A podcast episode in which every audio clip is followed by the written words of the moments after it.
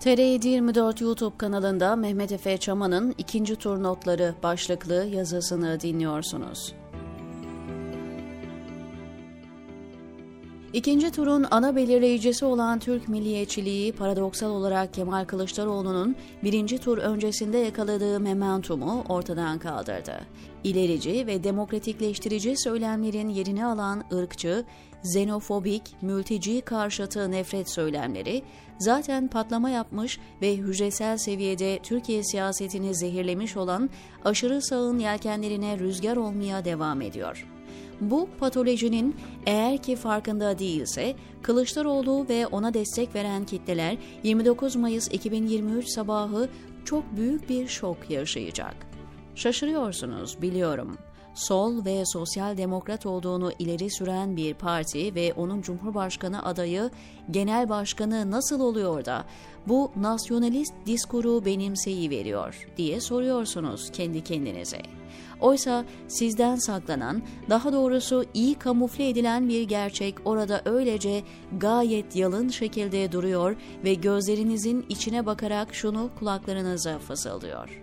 CHP hep buydu kuruluşunun mayasında milliyetçilik olan İttihatçı etnik Türk ulusu tezine yürekten sarılmış, ulus devlet kuruluşunu bu homojen ve homojenleştirici etno milliyetçilik üzerine tasarlanmış, 1930'ların faşizm atmosferine gayet iyi uyum sağlamış bir tek parti iktidarının halen benimsenmeye devam eden mirası üzerine politikalar üreten bir parti bu. Onun milliyetçilikten nemalanmaya çalışması, MHP geleneğinin çok daha gerisine, devletin kuruluş anına kadar tespit edilebilir. Altı okun temeli milliyetçilik veya Atatürk milliyetçiliği, kökleri İttihat ve Terakki geçmişinde olan, çok uluslu bir imparatorluktan homojen bir millet yaratma idealini benimsemiş bir ekoldür. Yani Türkeş, Atsız, Bahçeli, Özdağ ve o anlardan çok daha gerilerde yüklü bir bagajdır söz konusu olan. CHP bu bagajın asıl sahibidir. CHP tabanında etno nefret sanki yeni bir şeymiş gibi konuşanları görüyor, bıyık altından onlara gülümsüyorum. Arap nefreti, Orta Doğulu olmama çabası olarak tezahür eden bir kompleksin dışa vurumudur. İttihatçılar ve Kemalistler Orta Asya'dan göç mitine dört elle sarıldılar ki Araplarla ve diğer Orta Doğulularla araya iyi bir mesafe koyabilsinler. Bu nedenle 900 yıllık tarihsel gerçekler inkar edildi. Sosyolojik ve antropolojik malzeme tahrif edilerek istenilen kıvamda bir diskur inşa edildi. Dahası Yunan, Ermeni ve Slav çevreden de sıyrılabilmek için Orta Asya miti idealdi. Herkesi kandırabildiler ama aynaları kandıramadılar. Buna rağmen haklarını teslim etmeli, beyin yıkama meyvelerini verdi. Dile kolay, tam 100 yıl insanlara aynı masalı anlattılar tarih derslerinde. Habis ulus devletler dönemi 1940'larda kapandı dünyada. Bu işin en rigid versiyonlarını uygulamış olan sosyal Darwinist Almanya ve İtalya vakaları bile bu geçmişlerinden arınarak düzgün denebilecek bir tarihi zemin üzerine politik bakımdan doğru değerlere dayalı yeni tip sivik kimlikler inşa etmeye çalıştılar. Nazilikten ve faşizmden arınmak kolay olmadı. Enfekte olan vücudu mikroorganizmadan korumak gibi güç bir işti bu. Bunlar olurken Türkiye'de benzer bir virüs sürekli korundu ve kollandı. Çoğu okur yazar bunu Müslüman bir toplumun uluslaştırılması ve sekülerleştirilmesi üzerinden meşrulaştırmaya girişti. Böylece 1930'ların nasyonalizmi 20. yüzyılı geride bıraktı ve 21. yüzyıla da başat ideolojik ve kimlik belirleyici element olarak girdi. Ne var ki Kürtleri asimile ederek homojen ulus konseptini gerçekleştirmek bu devasa devlet politikasına rağmen başarılamadı. Hristiyanlardan kurtulan Türk ırkçıları Yunansızlaştırılmış, Ermenisizleştirilmiş, Süryanisizleştirilmiş bir ülke oluşturdular. Ama Kürtsüzleştirmeyi başaramadıkları her 10 yıl devleti daha da agresifleştirdi ve hukuksuzlaştırdı. İkinci turun en önemli belirleyicisi işte bu zıvanadan çıkmış nasyonalizmdir. Kılıçdaroğlu'nu yörüngesine sokan bu nasyonalizm, esasen Türkiye siyasetinin Türk cephesi ve diğerleri olarak nasıl ayrıldığını gözler önüne seriyor. Erdoğan'dan kurtulmak düşüncesinin büyüsüne kapılmış seküler ve kentli modernler, nasyonalizmin İslam'dan daha ağırlıklı olarak kimlik belirleme kabiliyetinden medet umuyorlar.